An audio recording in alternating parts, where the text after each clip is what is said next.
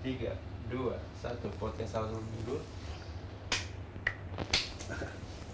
Eh, Kang, bawa bawa gue balik dong ke zaman Bandung waktu itu eh, skena musik Bandung meledak gitu ya. Pas band Pure Saturday, Koil juga ya generasi pertama tapi kan Hmm. Koil kayaknya di jalur yang beda gitu, lebih bawah tanah gitu. Du- Dulu bikin tahu itu ada market, kesad- punya kesadaran punya mark, kesa- kesadaran kayak oh ini ada marketnya Hmm. atau memang ah udah gua bermusik aja dulu gitu. Apa gimana sih?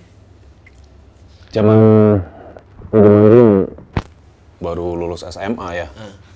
Gak ada yang Ya zaman dulu kan semua serba murah, serba bukan serba murah juga ya. Serba nggak tahu mau ngapain kan.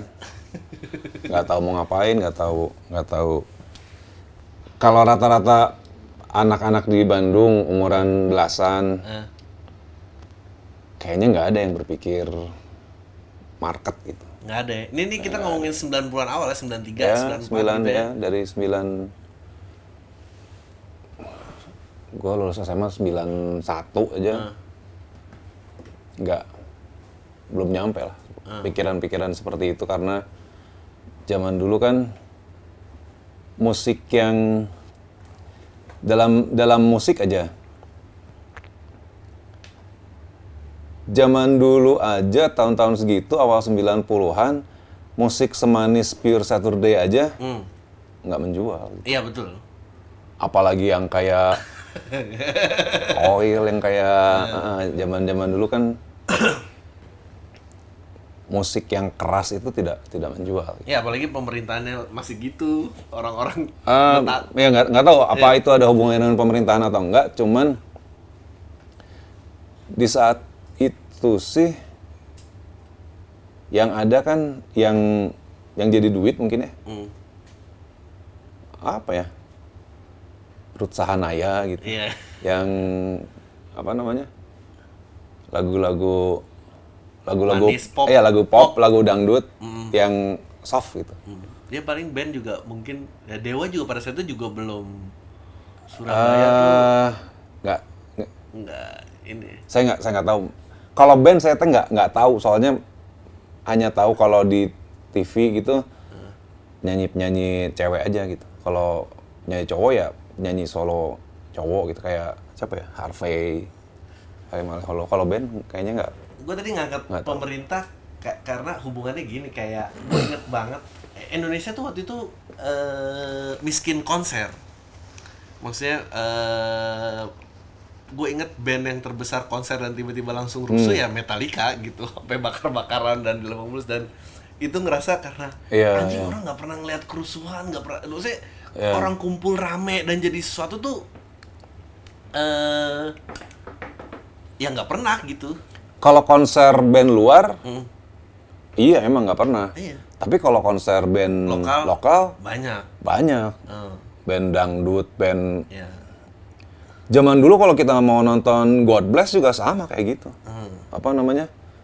Kalau kita ya zaman dulu kan nonton band rock tuh adanya ya God Bless, Sahara gitu. Sama kayak gitu kalau kalau kalau terbiasa nonton band-band jadi tuh ya karena sekarang aja kita ngelihatnya baru oh ya ada ada ada pop ada bawah tanah gitu Mm-mm, dulu mm. sih ya apa pun yang di luar pop itu ya udah skenanya Mm-mm, mm-mm.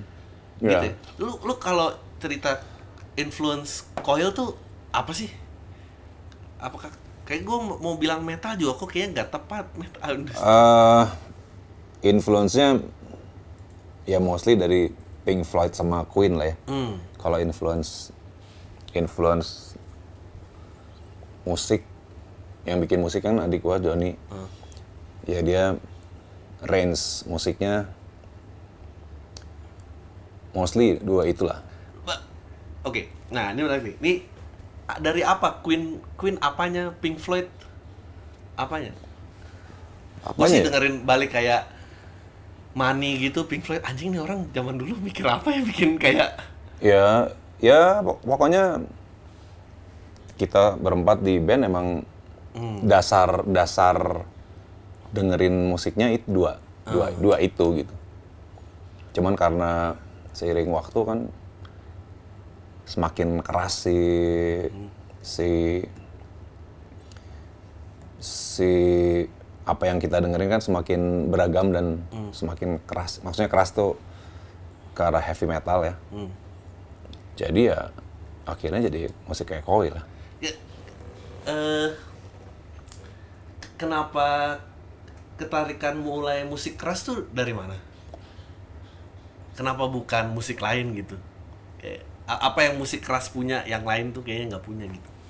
gitar ya gitar Gitar. dan gitar dan drum buat anak muda buat anak-anak anak umur anak belasan tahun begitu dikasih musik punk dikasih musik metal kan langsung sesuai dengan jiwa jiwa SMA gitu loh. maksudnya ya zaman dulu kan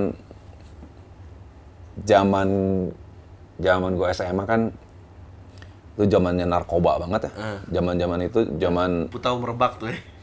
Eh, dulu belum. Belum, oh. Masih obat-obatan, alkohol, terus kalau obat-obatan juga kayak BK gitu yang yang sangat-sangat wah, menjijikan lah gitu.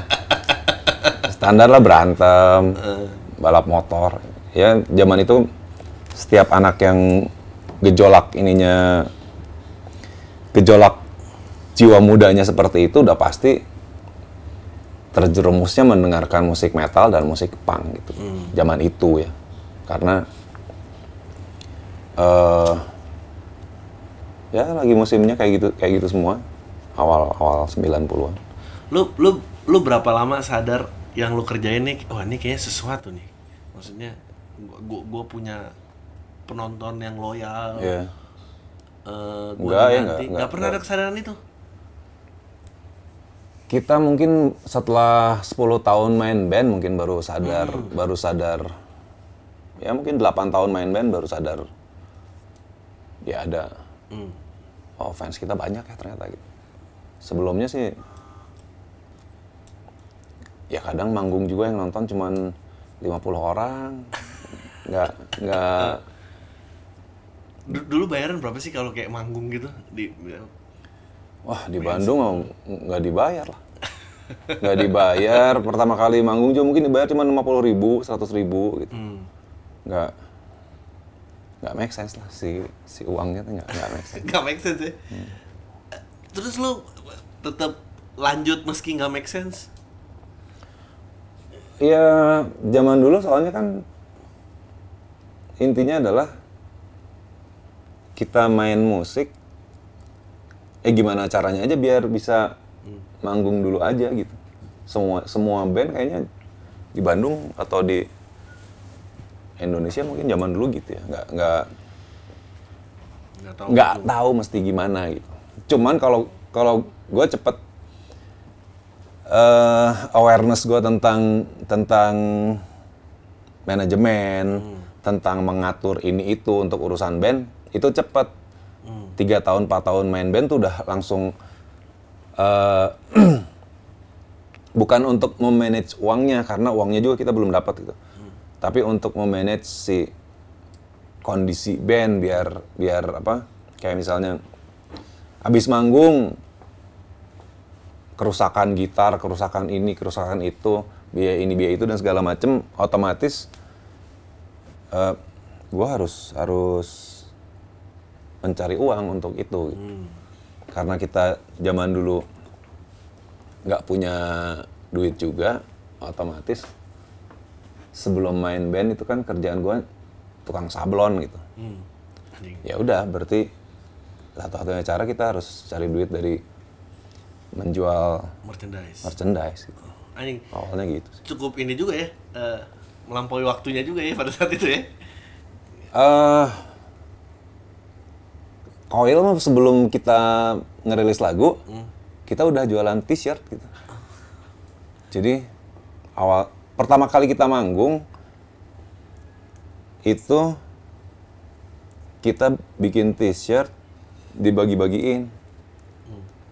Mungkin karena t-shirtnya zaman dulu kayaknya belum ada juga yang bikin t-shirt sedikit-sedikit banget lah gitu.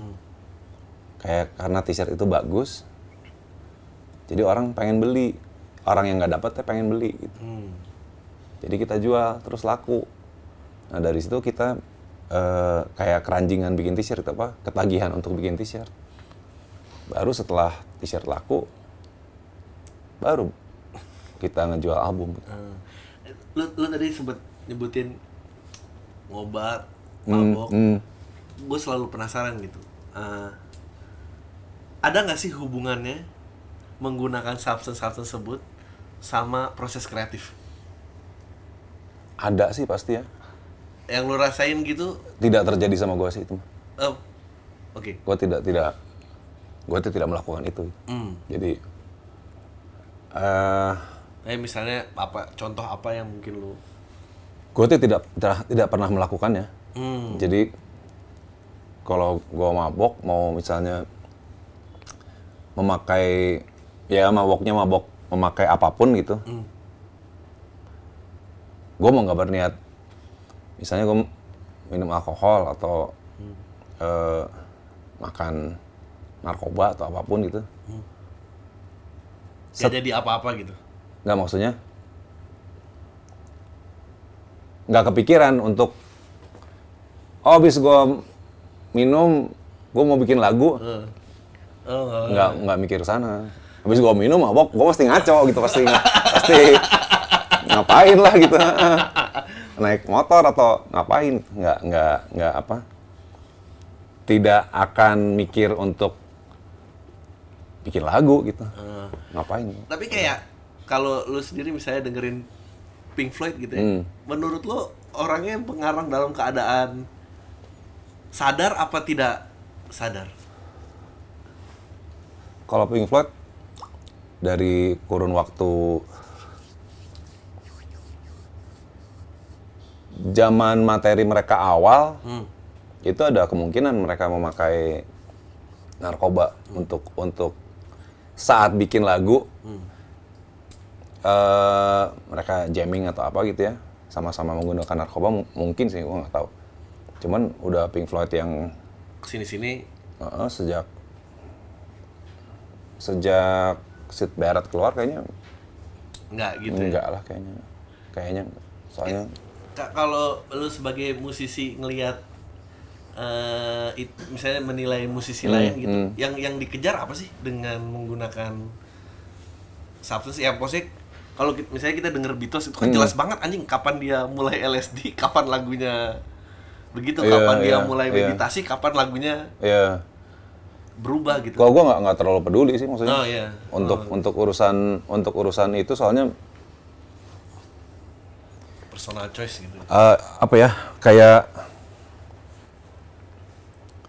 lu mau bikin lagu kek mau bikin rumah kek mau apa mau lu sambil ngerjainnya sambil ngentot kek mau sambil apa Ya, suka suka suka lu lah gitu. Nggak nggak nggak buat gue sih nggak matter sih nggak nggak nggak nggak tertarik juga buat apa namanya Oh, gue bikin lagu sambil ngeganja, ah, fuck you itu. Urus, urusan lu itu mah. nggak nggak nggak eh nggak ya nggak tahu ya. Iya. Seumur hidup gue nggak pernah tertarik sama Eh, sama hal tersebut gitu. Gue lebih tertarik urusan pembuatan lagu orang lain adalah lebih ke eh, apa namanya? Ini strukturnya gimana ya orang ini orang ini membuat struktur ini gimana gitu. Kayak kayak eh, urusan lagu gue lebih mikir mereka membuat aransemen seperti ini tuh struktur idenya bagaimana gitu. hmm. Soalnya rata-rata yang lagu-lagu yang gue suka kayak kayak contoh lagunya Queen gitu. Mereka punya struktur yang sederhana tapi nggak nggak nggak nggak mudah gitu. nggak mudah Nggak mudah. Hmm. Dan itu kan semuanya lebih ke kayak sekeluar sekeluarnya lah, se sekeluarnya mereka ngejam, sekeluarnya mereka mereka ini ini. Eh, lu bisa ceritain nggak awal kan tadi lu cerita ya namanya anak zaman itu ya muda resah marah Hmm, hmm. eh, musiknya lu sendiri sebagai pribadi ngerasa ada perubahan nggak dari awal? Lu tuh yang lu ceritain keresahannya apa? Terus lu makin mature makin apa tuh? Hmm. berubah nggak? Kalau gua tidak dalam diri gua tidak terjadi hal itu gitu. oh ya? Heeh, karena jadi lu masih merasa lu anak 17 tahun yang kemarin? Eh, di usia segitu teh gua teh nggak resah gitu. oh di sisi nggak resah yang Yang kayak orang anak kayak anak lain kan kayak gue bilang saat itu jiwa jiwa memberontak sangat besar, jiwa untuk eksistensi sangat besar gitu. Gue sih nggak punya jiwa itu dari zaman dulu gitu. Hmm. Gue sih dari zaman dulu kayaknya orang yang ya terserah lo mau ada mau lu mau gelut Hmm. terserah lu mau ngapain terserah. Gua tidak. Jadi lu eh, maksudnya kesenangan bermusik itu sendiri aja yang bikin gue senang mengerjakan sesuatu aja. Oh. gua senang mengerjakan sesuatu sendiri.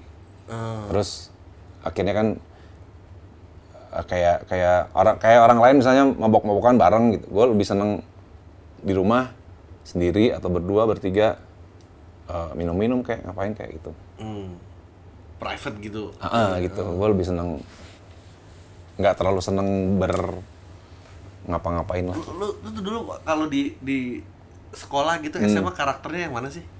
Badut kelas kah? Yang pinter, yang suka yang Kalau- mengamati dari belakang apa? gimana ya gue teh gue teh sangat menonjol dalam dalam dalam banyak hal teh gue jago olahraga terus gue teh jago semua dalam semua hal gitu. Termasuk orang yang sangat pinter juga. Cuman gue nya nggak mau nggak karena malas belajar karena nggak mau apa ya? Bukan nggak mau sih gimana ngomongnya? Gue teh selalu jadi orang yang nggak pernah diajakin gitu. Oh, sekelas main ke Lembang gitu ya. Oh ada cerita yang paling tolol gini dulu. Iya. jadi suatu hari gue tuh nggak masuk gue tuh nggak masuk. Jadi ada pelajaran mengetik. Di pelajaran ini teh kuku harus bersih segala macem. Harus itu ya harus harus harus bersih aja. Nah sebelum pelajaran mengetik teh gue teh selalu main bola. Habis main bola teh udah pasti semua teh kotor gitu. Jadi tiap masuk pelajaran mengetik gue tuh pasti di gini di meja ya dihajar pakai penggaris besi itu teh selalu berbulan-bulan seperti itu nah suatu hari timbul niat gue pupujian Pujian tuh apa? pupujian itu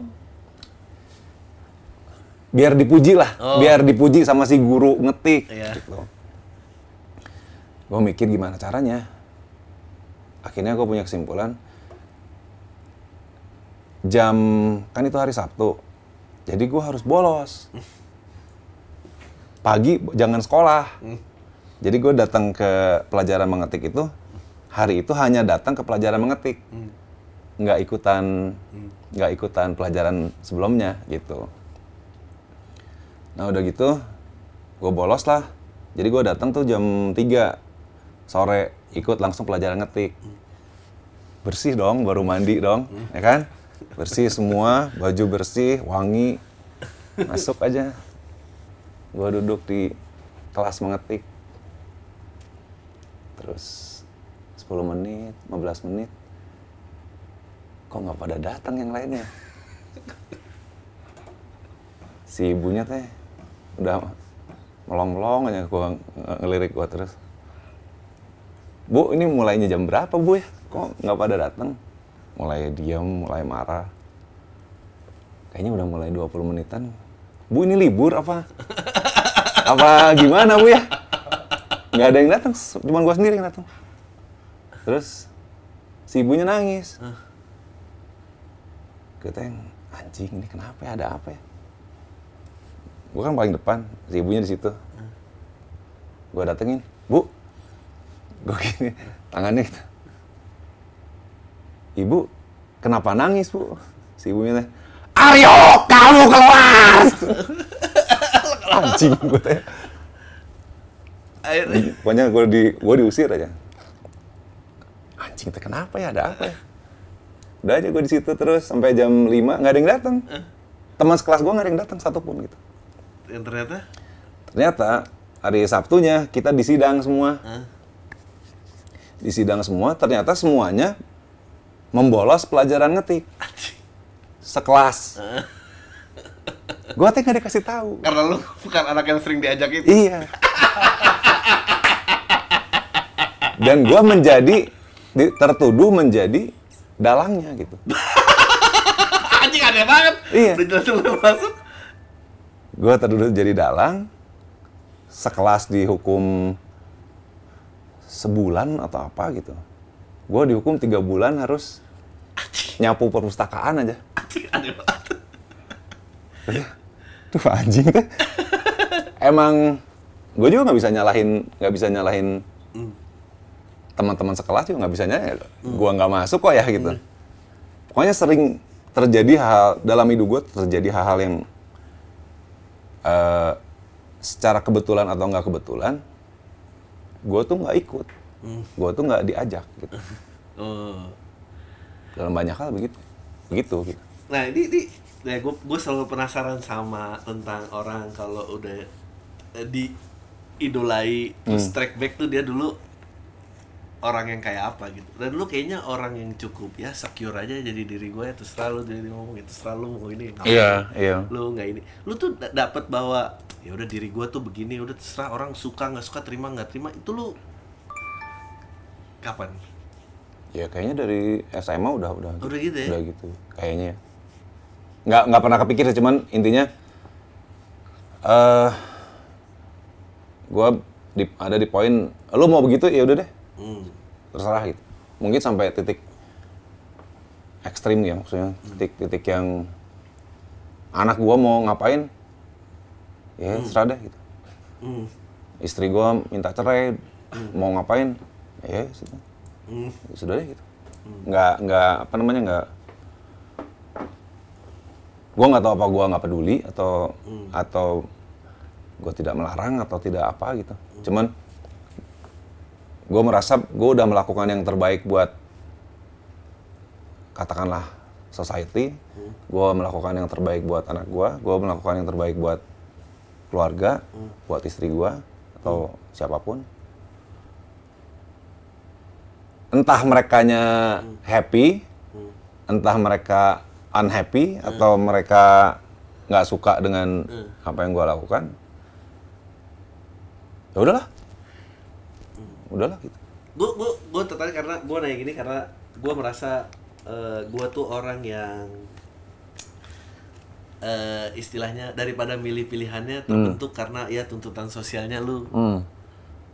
harus gini gitu. Hmm. sampai akhirnya oh mencoba stand up tuh akhirnya lu oh dengerin suara lu sendiri. Oh inilah point of view lu akan dunia. Dan eh yang gue sesali tuh kayak men gue kenapa nggak nemuin ini dari awal sih?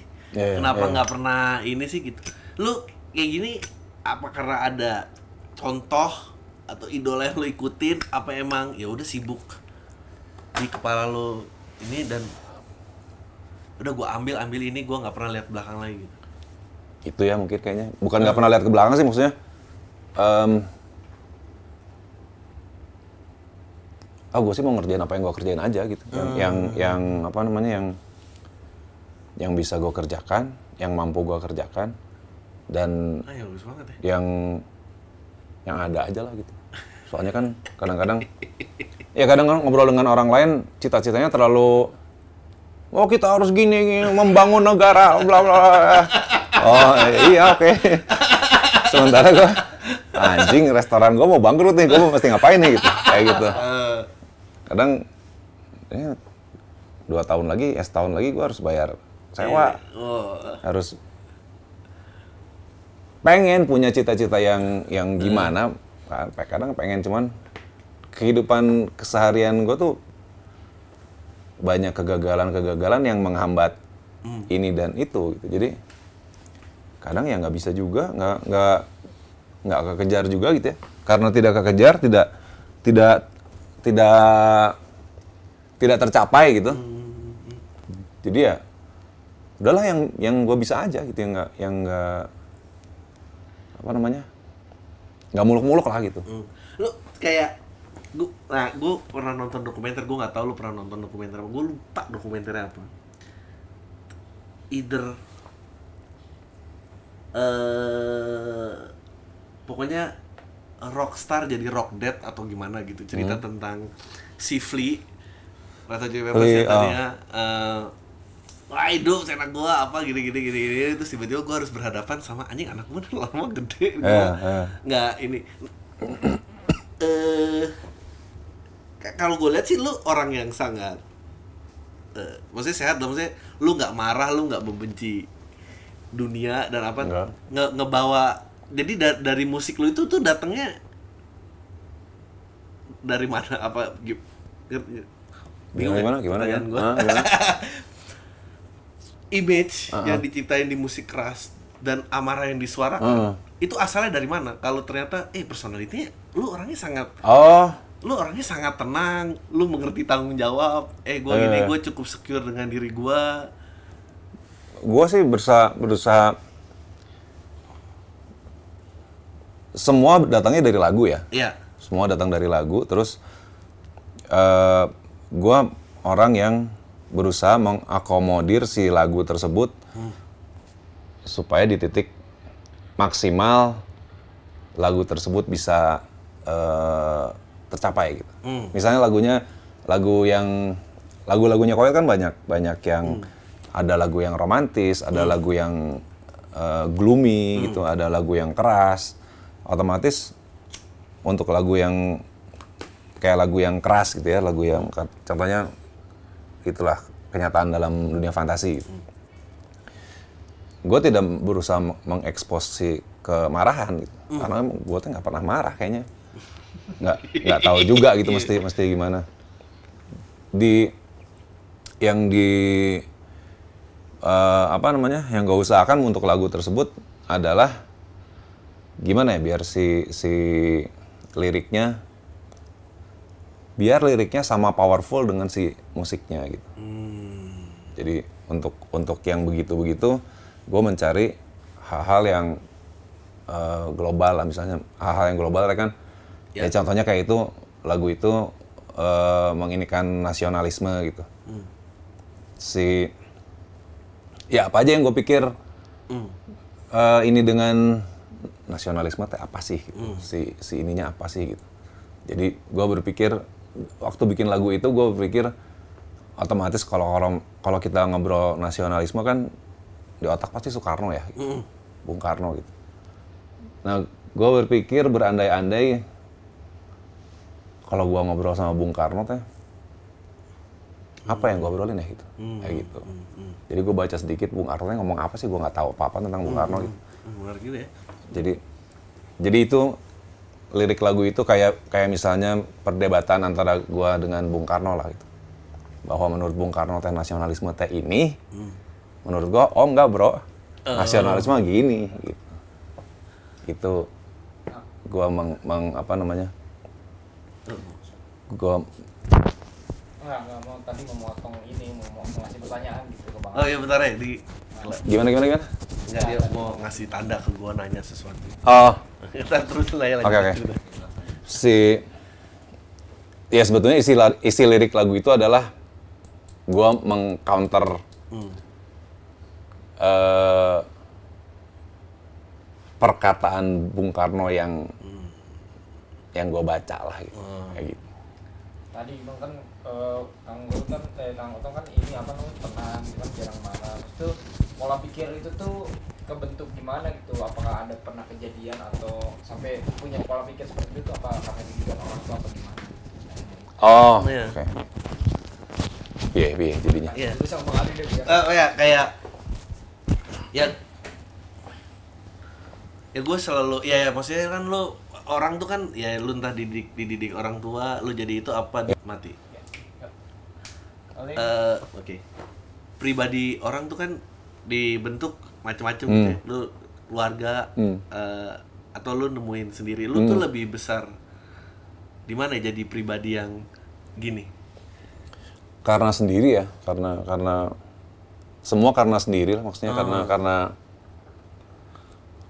orang tua sih ngajarin untuk untuk biasa lah Hmm. sekolah yang tinggi dan segala macam segalanya standar kayak gitu karena orang tua gue dua-duanya sarjana yang gelarnya cukup tinggi lah gitu. Hmm.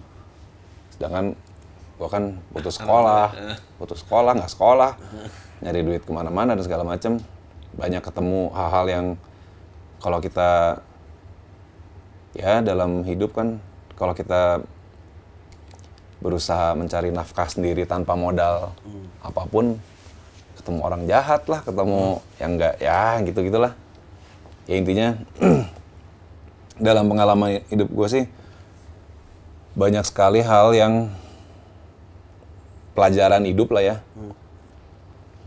Kalau gue menghadapi sesuatu dengan nggak sabar itu gue pasti nyungsep gitu. Hmm.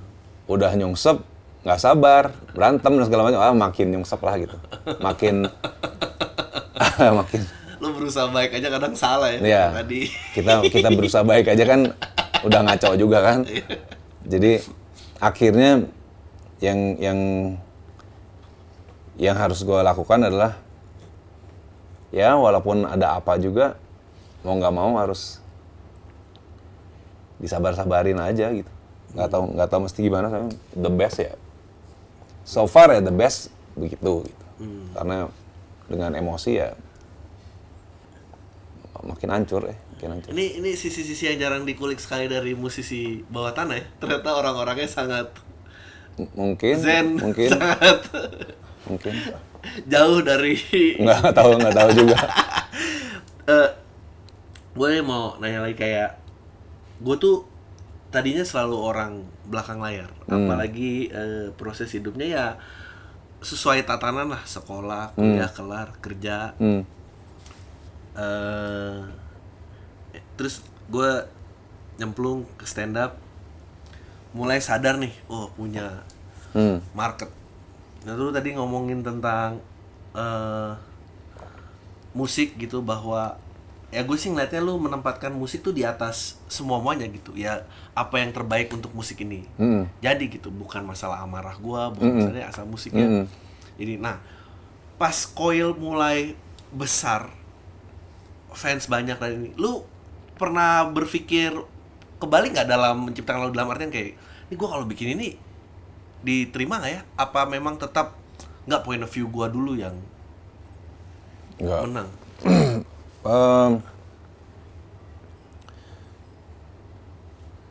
gua tuh belum pernah mengalami lagunya Koil tidak diterima gitu. oh Jadi lagunya Koil ini selalu semua lagu disukai orang. oh Semua lagu yang kita bikin menjadi favorit semua orang. hmm.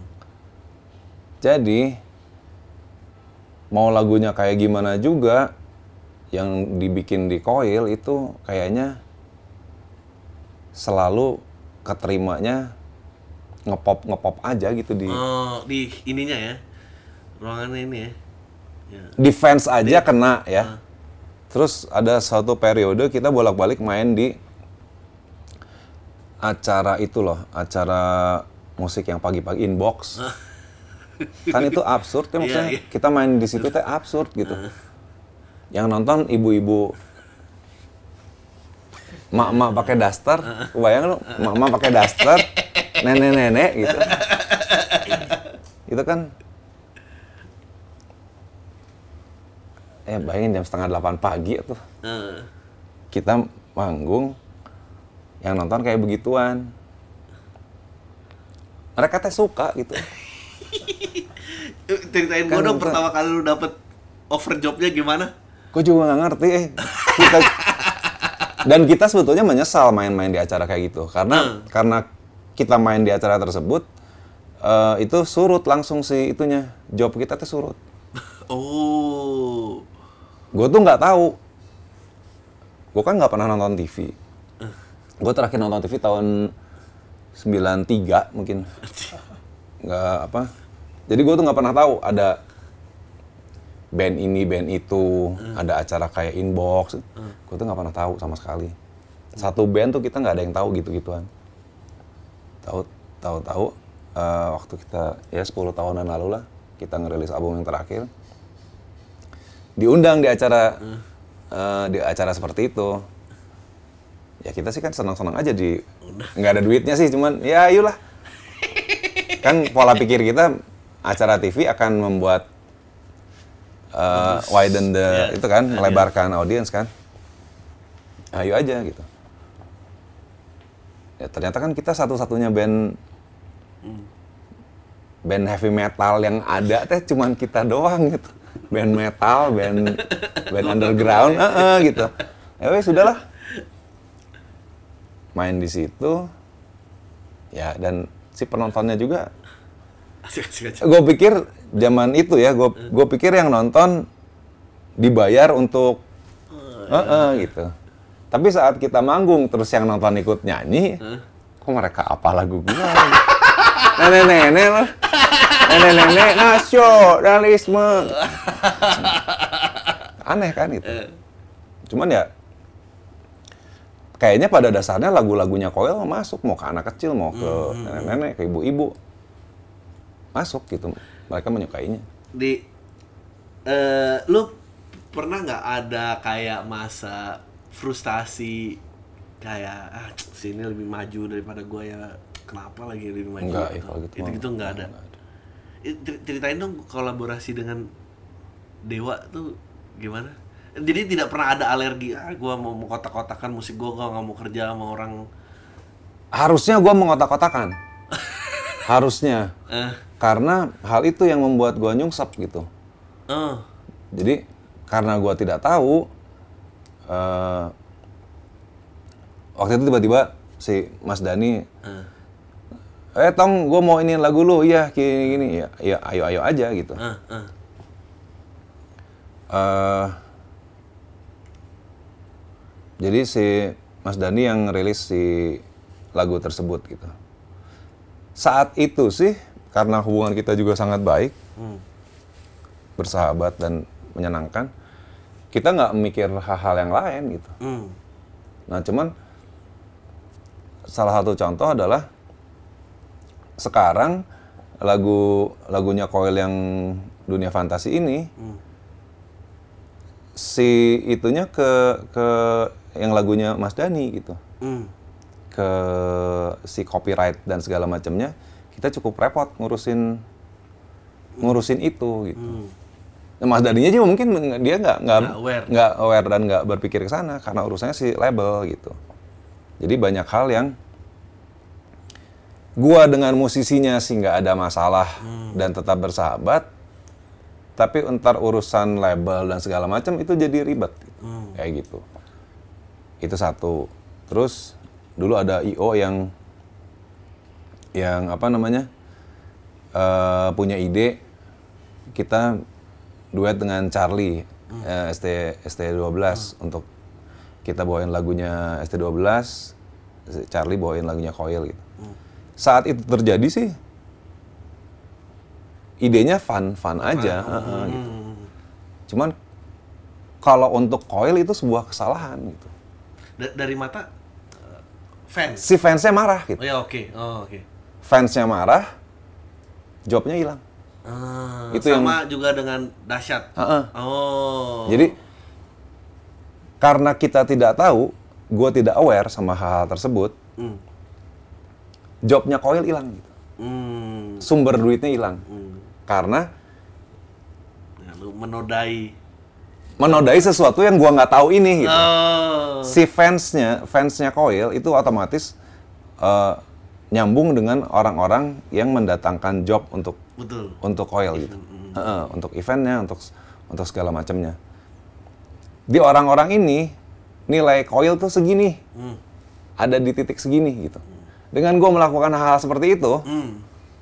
dia jadi kayak oh kok gini ya Gitu. nah itu yang mempengaruhi surut surutnya si surutnya si itu tadi si job untuk oil gitu nah itu yang yang bukannya gue menyesali hal-hal Ah, hal-hal oke. tersebut telah terjadi karena sampai hari ini gue tetap tetap bersahabat dengan seluruh musisi yang pernah kita kerjasama cuman harusnya gue tuh tahu Hmm. kalau coil tuh ada di Ya. ini yang segimana untuk eh, apa namanya seenggaknya si job tadi teh jangan sampai surut jangan sampai jatuh karena hal-hal yang gua lakukan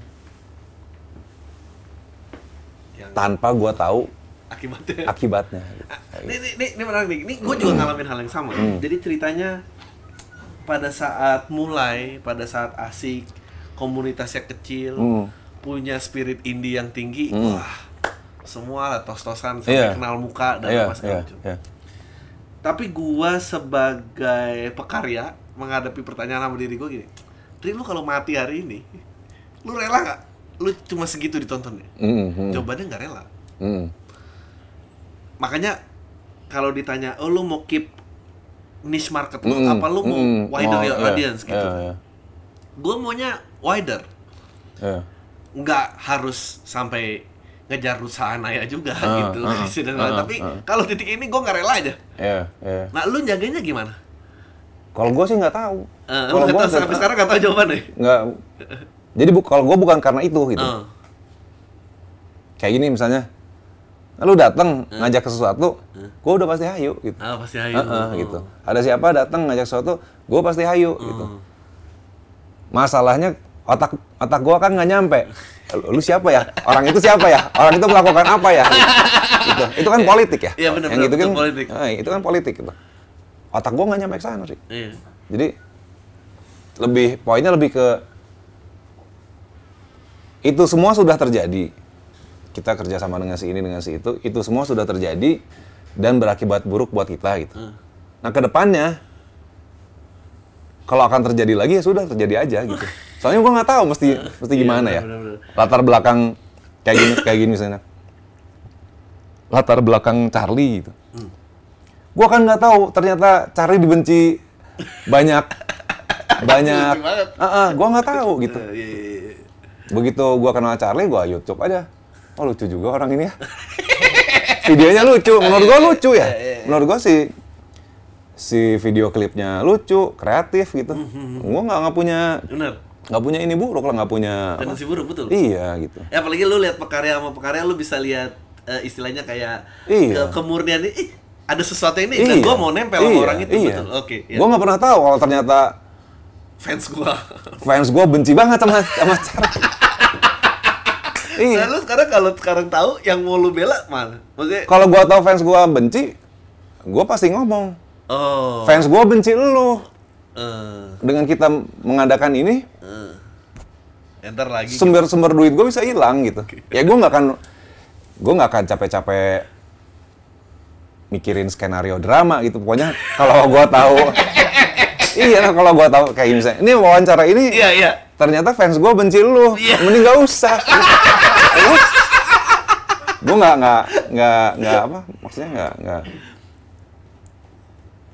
otak gue nggak terlalu pandai untuk mikirin yang gitu-gitu gitu apa gue baru tahu gue tuh baru tahu kalau banyak ternyata banyak orang banyak yang nggak suka sama Ahmad Dhani gue kan baru tahu gitu. Eh, iya. kalau tahu kayak begitu ya gue nggak akan ini sama Padahal sesama pekarya-pekarya lu Heeh. angkat topi gitu kan, iya respect gitu kan. gue kan masalahnya lah gue ketemu Ahmad Dhani orangnya baik ya orangnya baik mau gue baik Iya. mau gue perhatian banget lagi orang itu ya mau gimana gimana cara gue tahu orang ini baik nggak gue mau nanya siapa nggak nggak punya teman lucu banget. nggak nggak apa namanya Nggak lu di Twitter dulu, Instagram kalau gua collab ini reaksinya gimana? zaman dulu udah ada Twitter belum ya Udah ya? berapa itu? Udah ada kayaknya mulai. lupa gue Gua gua ya gua juga berusaha mengejar banyak sebelum interview ini. Jadi kayak oke gua harus kejar banyak nih. Hmm. Gue juga uh, lucu juga ya gue yang baru belajarnya oh tiba-tiba kok ininya ke dewa ini kayak apa nih gitu Hmm. dan lebih mengejutkan lagi ternyata pernah di dahsyat gitu Hmm. Oh banyak lagi yang lebih tolol lagi banyak. Wah. kayak, kayak apa sih Oh banyak. banyak banget gua harus banyak lah cuman gua nggak terlalu ingat detailnya gitu banyak yang gua harus main di syuting manggung di rumah siapa yang gua nggak tahu ini siapa pas lupa ya gue tapi, tapi hubungan lo sama fans tuh kayak apa sih dilematis gak sih kalau sekarang gini-gini tuh gue sih nggak terlalu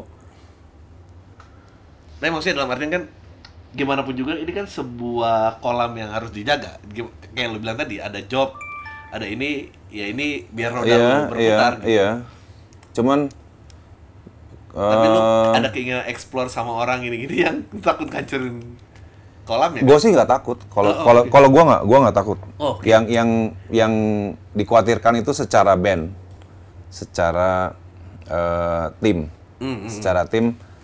Kadang kita harus eh, apa namanya, harus cukup bijaksana lah menyi- menyikapi sesuatu Hmm. gitu. Jadi emang kadang harus diobrolin dengan band gitu. Karena kondisinya udah kayak begini, sudah terlanjur terjadi juga eh, ya sudahlah nggak terlalu gimana gimana juga gitu kan kecuali kalau belum terjadi gitu kalau misalnya gue sendiri gue pribadi dengan eh, fans gue kan Ribut pernah? nggak? enggak sih ributnya cuman si fans fans gue kan gimana ya kayak dalam sehari aja mungkin yang nge DM gue di Instagram tuh 500 orang gitu terus belum di Twitter, belum di mana gitu yang semuanya minta. Yang ngajak ngewe aja sehari teh banyak gitu. Cowok dan cewek pula ya. Jadi Nah, ini, ini, ini, ini seru nih. Gua, lu, Sorry bang, Eh. cut dulu. Angkat habis. Bandai. meledaknya sosial media hmm, dengan artis bawah tanah itu lu point view lu gimana? Ini ngebantu apa tidak membantu? Membahayakan apa ini itu satu abis itu kita ngomongin masalah IP. Abis itu paling. Bang udah. Udah. Kang Otong siap. 3 2 1 pump action. Nah, ini kita dulu ngomongin fans sama DM DM banyak. Eh gue sih merasa mulai kayak dulu waktu kecil apa semua bisa gue manage kritikannya eh, pujiannya bisa di ini. Terus makin lebar ini mau jadi jadi ombak yang kayak kalau dikritik kayak anjing kayak mau bunuh orang gitu. Hmm, kalau muji juga ini masih beneran muji apa? Iya, lu iya, se- iya. peng- penggiat musik bawah tanah gitu ngelihat ledakan sosial media tuh lu ini membantu apa tidak membantu? Kalau gue sih selalu selalu sebetulnya semuanya selalu membantu ya. Hmm, hmm, Se- sosial media mah sangat menurut buat gue sosial media itu sangat sangat sangat positif sih buat untuk apa pun untungnya apa pun bentuknya maksudnya. Yang pastilah. Mungkin karena lu lebih banyak diajak ngewe daripada gua kayaknya itu sih. Eh kalau kalau urusan itu, kalau urusan urusan ngewe aja. Urusan ngewe zaman sekarang nobody pun Bisa jadi, jadi bisa. Iya gitu.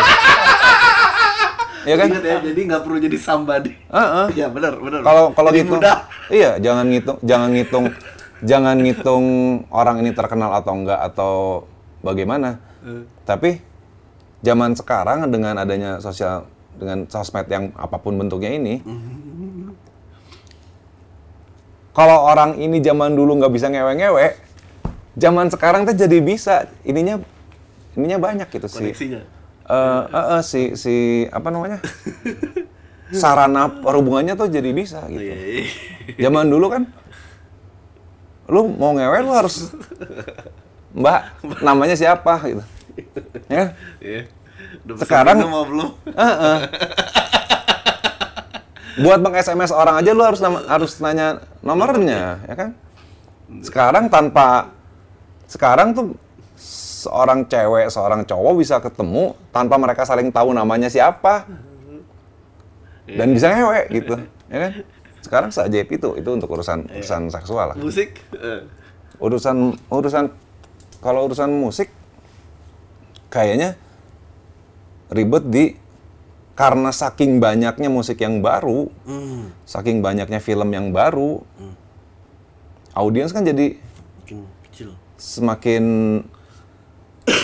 karena semakin banyak pilihan kan jadi semakin nggak dilihat dan nggak didengar gitu. Hmm. Kalau menurut gue sih Iya. itu gitu. Tapi menurut gue ya itu bagus lah. Karena apa namanya? Orang jadi semakin sulit memonopoli Hmm. memonopoli produk kan gitu. Oke, nah ini ini menarik nih. Nah, nah, terus kalau orang sulit memiliki influence yang besar, Mm. menurut lo nanti ke depannya orang mencapai legendary status tuh Nggak bisa. udah nggak bisa ya? Nggak bisa. Itu emang karena medianya ya? Iya. Ah. Nggak apa-apa. Lewat aja nggak apa. Mulai start, mulai sekarang, Ah, legend tuh udah nggak ada gitu. Oke. Dan itu baik buat lo ya? Ya nggak matters juga buat gue. Nggak, nggak, nggak, nggak. Gue juga nggak tahu. Lu mau jadi legend, jadi legend aja. Nggak, ja- nggak jadi juga. Nggak, ya bener ya. penting ya udah bikin aja gitu kan. Uh-uh. Jadi seseorang atau sesuatu akan menjadi legendaris ya hanya di itunya aja, hanya di lingkungannya gitu. Hmm. Maksudnya kalau Di kolamnya masing-masing iya, dipuja ini ya. Iya, Hmm. iya. Buat lu Bob Marley legend ya, buat gua enggak gitu. Hmm. Buat lu John Lennon legend ya, buat gua enggak. Makin ke sini akan makin begitu. Gitu. Hmm. Jadi fansnya yang akan berkutat untuk Kejar. untuk yang legend tuh ini si A, yang legend tuh si B, bukan si ini, bukan si itu ya. Itu yang akan. Ya gue pikir ke depannya mungkin jadi begitu. Jadi bak- jadi kayak istilahnya bakal banyak band-band yang mungkin kualitas melampaui Queen dan Pink Floyd dan tapi mereka tidak akan menjadi raja seperti mereka dulu jadi iya, raja gitu. Iya. Karena kan semakin semakin banyak. Gitu. Hmm. Kalau zaman dulu kan karena cuman sedikit ya, Hmm. wajar lah. Gitu. Nah, ini ini topik yang terakhir dan kita tadi sempat ngebahas sebelum kameranya rolling. Eh gua happy banget ngangkat tadi dengar obrolan tentang masalah intellectual property. Hmm.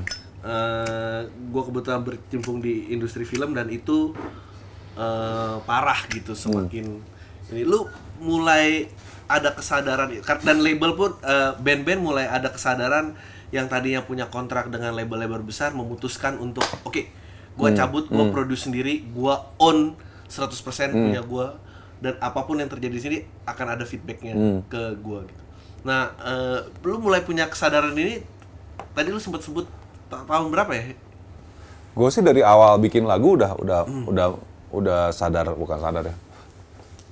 Gue berpikir ke sana gitu. Karena zaman zaman bikin lagu kan sebetulnya kita belum kepikir hak cipta dan segala macam segala macam kan. Hmm. Cuman eh, kalau kita berpikir gue nggak tahu itu intinya gimana cuman gini lah. Kalau kita bikin sesuatu kita bikin sesuatu kan apa yang kita bikin itu pasti milik kita. Hmm. mau lu cuman bikin nasi goreng Hmm. lu mau bikin lagu mau bikin mobil itu tuh udah pasti milik kita gitu. Nah yang terjadi di di bukan di Indonesia aja di di dunia gitu kan orang mengklaim milik orang lain gitu Hmm. itu kan yang yang selalu terjadi kan seperti itu. Gue sih dari zaman dulu selalu berpikir, selama teknologi berkembang, apa yang kita bikin itu akan otomatis dan sangat mudah, otomatis milik kita tanpa kita harus ngedaftarin ke hak cipta atau apa. Itu akan terjadi sangat sangat otomatis. Iya. Karena sejak ada sejak gua tahu komputer kita ngetik sekian ini aja kita ngetik sekian kata aja itu langsung terekam datanya terekam tanggal sekian, Hmm. tanggalnya, di mananya, Ya. itu semua terekam Totalnya, ya. Heeh, dan bisa di recall itu kapan, tanggalnya kapan, dan siapa yang melakukannya. Gitu. Hmm. Berdasarkan pengetahuan tersebut, jadi gue selalu berpedoman apa pun yang ntar kita hasilkan, kita bikin, apalagi bentuknya digital, itu udah otomatis bisa ke trace yang punyanya siapa, yang bikinnya siapa. Hmm. Itu, ya, gue menyimpulkan ini mungkin tahun 9 Hmm. 94 lah, zaman-zaman awal-awal gue ini apa namanya ini banget sama komputer lah ya. Emang yang yang terjadi tuh eh, apa sih tadi kita sempat eh, ngomong nyebut kayak ah itu yang dialamin semua musisi-musisi zaman dulu dan ini gitu. eh, Ya. Apa impact dari eh, hak cipta yang berpindah tangan tuh terhadap penciptanya tuh?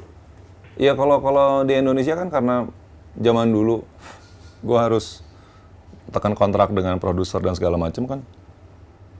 Gue baru sadar begitu di Indonesia itu zaman dulu ikut label rekaman tuh harus kontrak 8 album.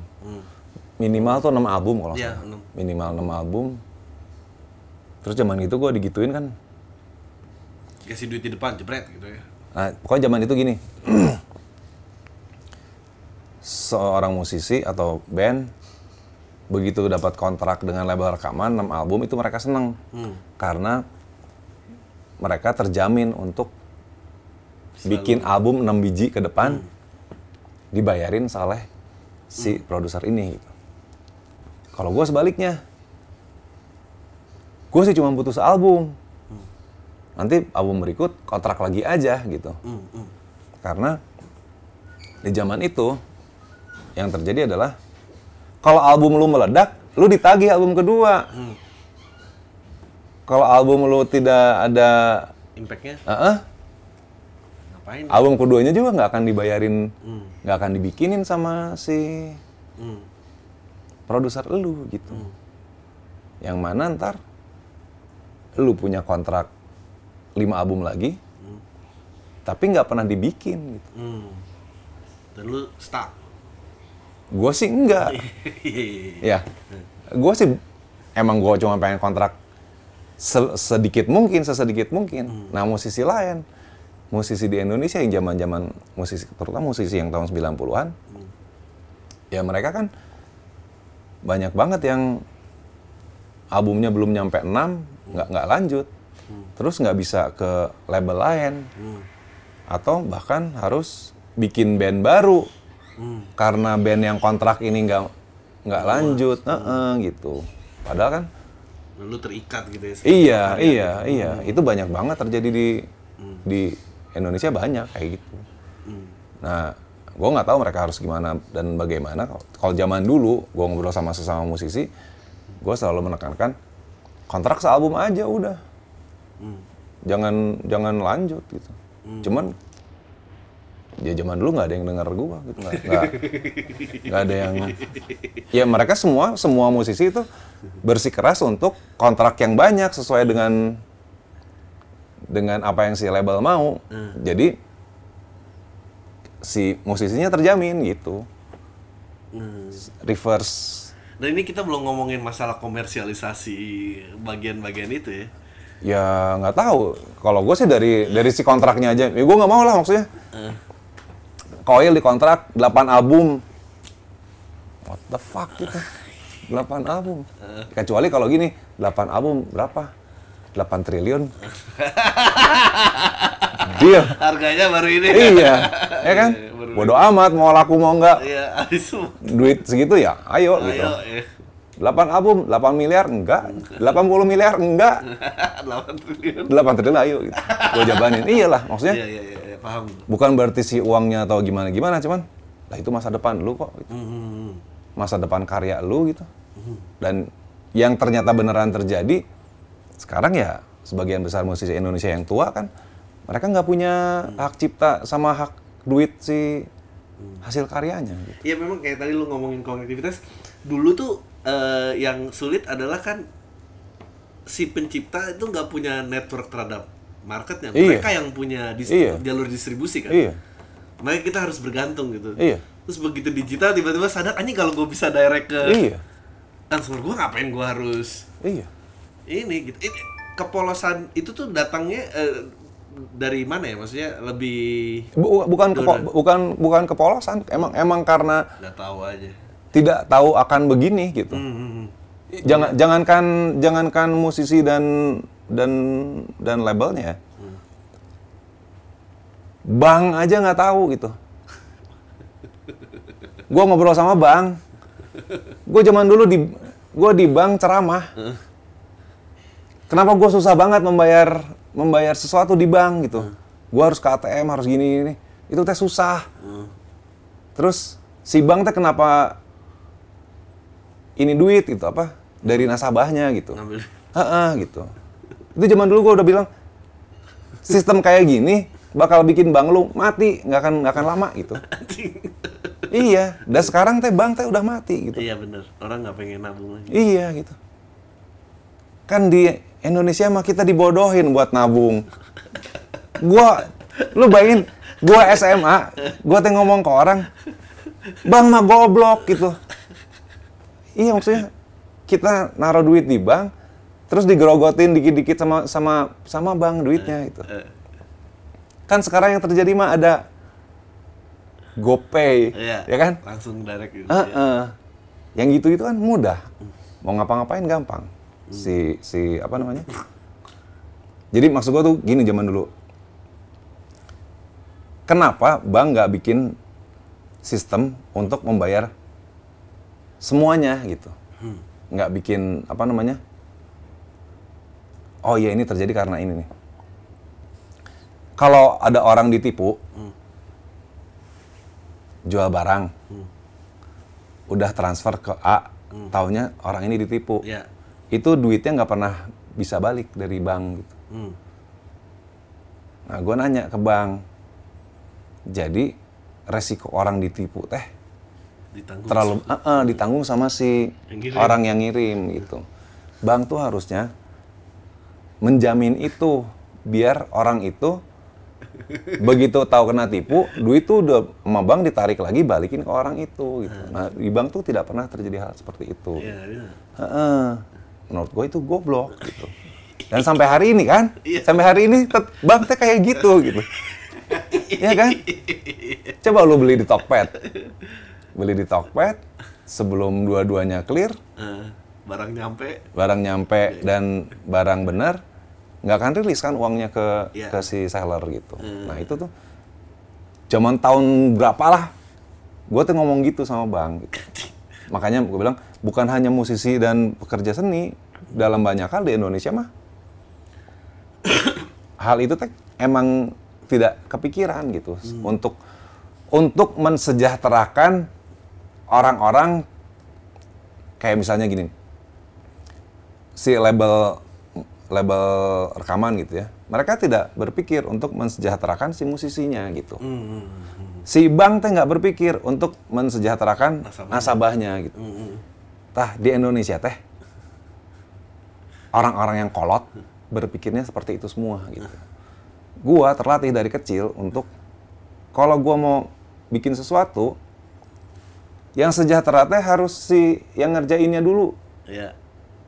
Gua punya pegawai, gua berusaha si pegawai ini bisa sejahtera dari apa yang dia kerjakan gitu. Jadi kalau misalnya dia bekerja, lu kerja di tingkat sekian, lu teh bisa sejahtera dengan ntar dapat gaji segini, tunjangan segini, lalala bla bla bla gitu. Jadi lu earn si kesejahteraan lu. Betul. Gua jadi bos teh, gua bisa ngasih Iya. lu lebih banyak gitu. Apalagi kalau misalnya usaha gua bagus, otomatis dah gua mah enteng ngasih duit teh gitu. Heeh, Iya, yang iya, kayak bener. gitu. Iya, gitu. Nah, ternyata di negara ini teh hal itu teh susah. Gitu.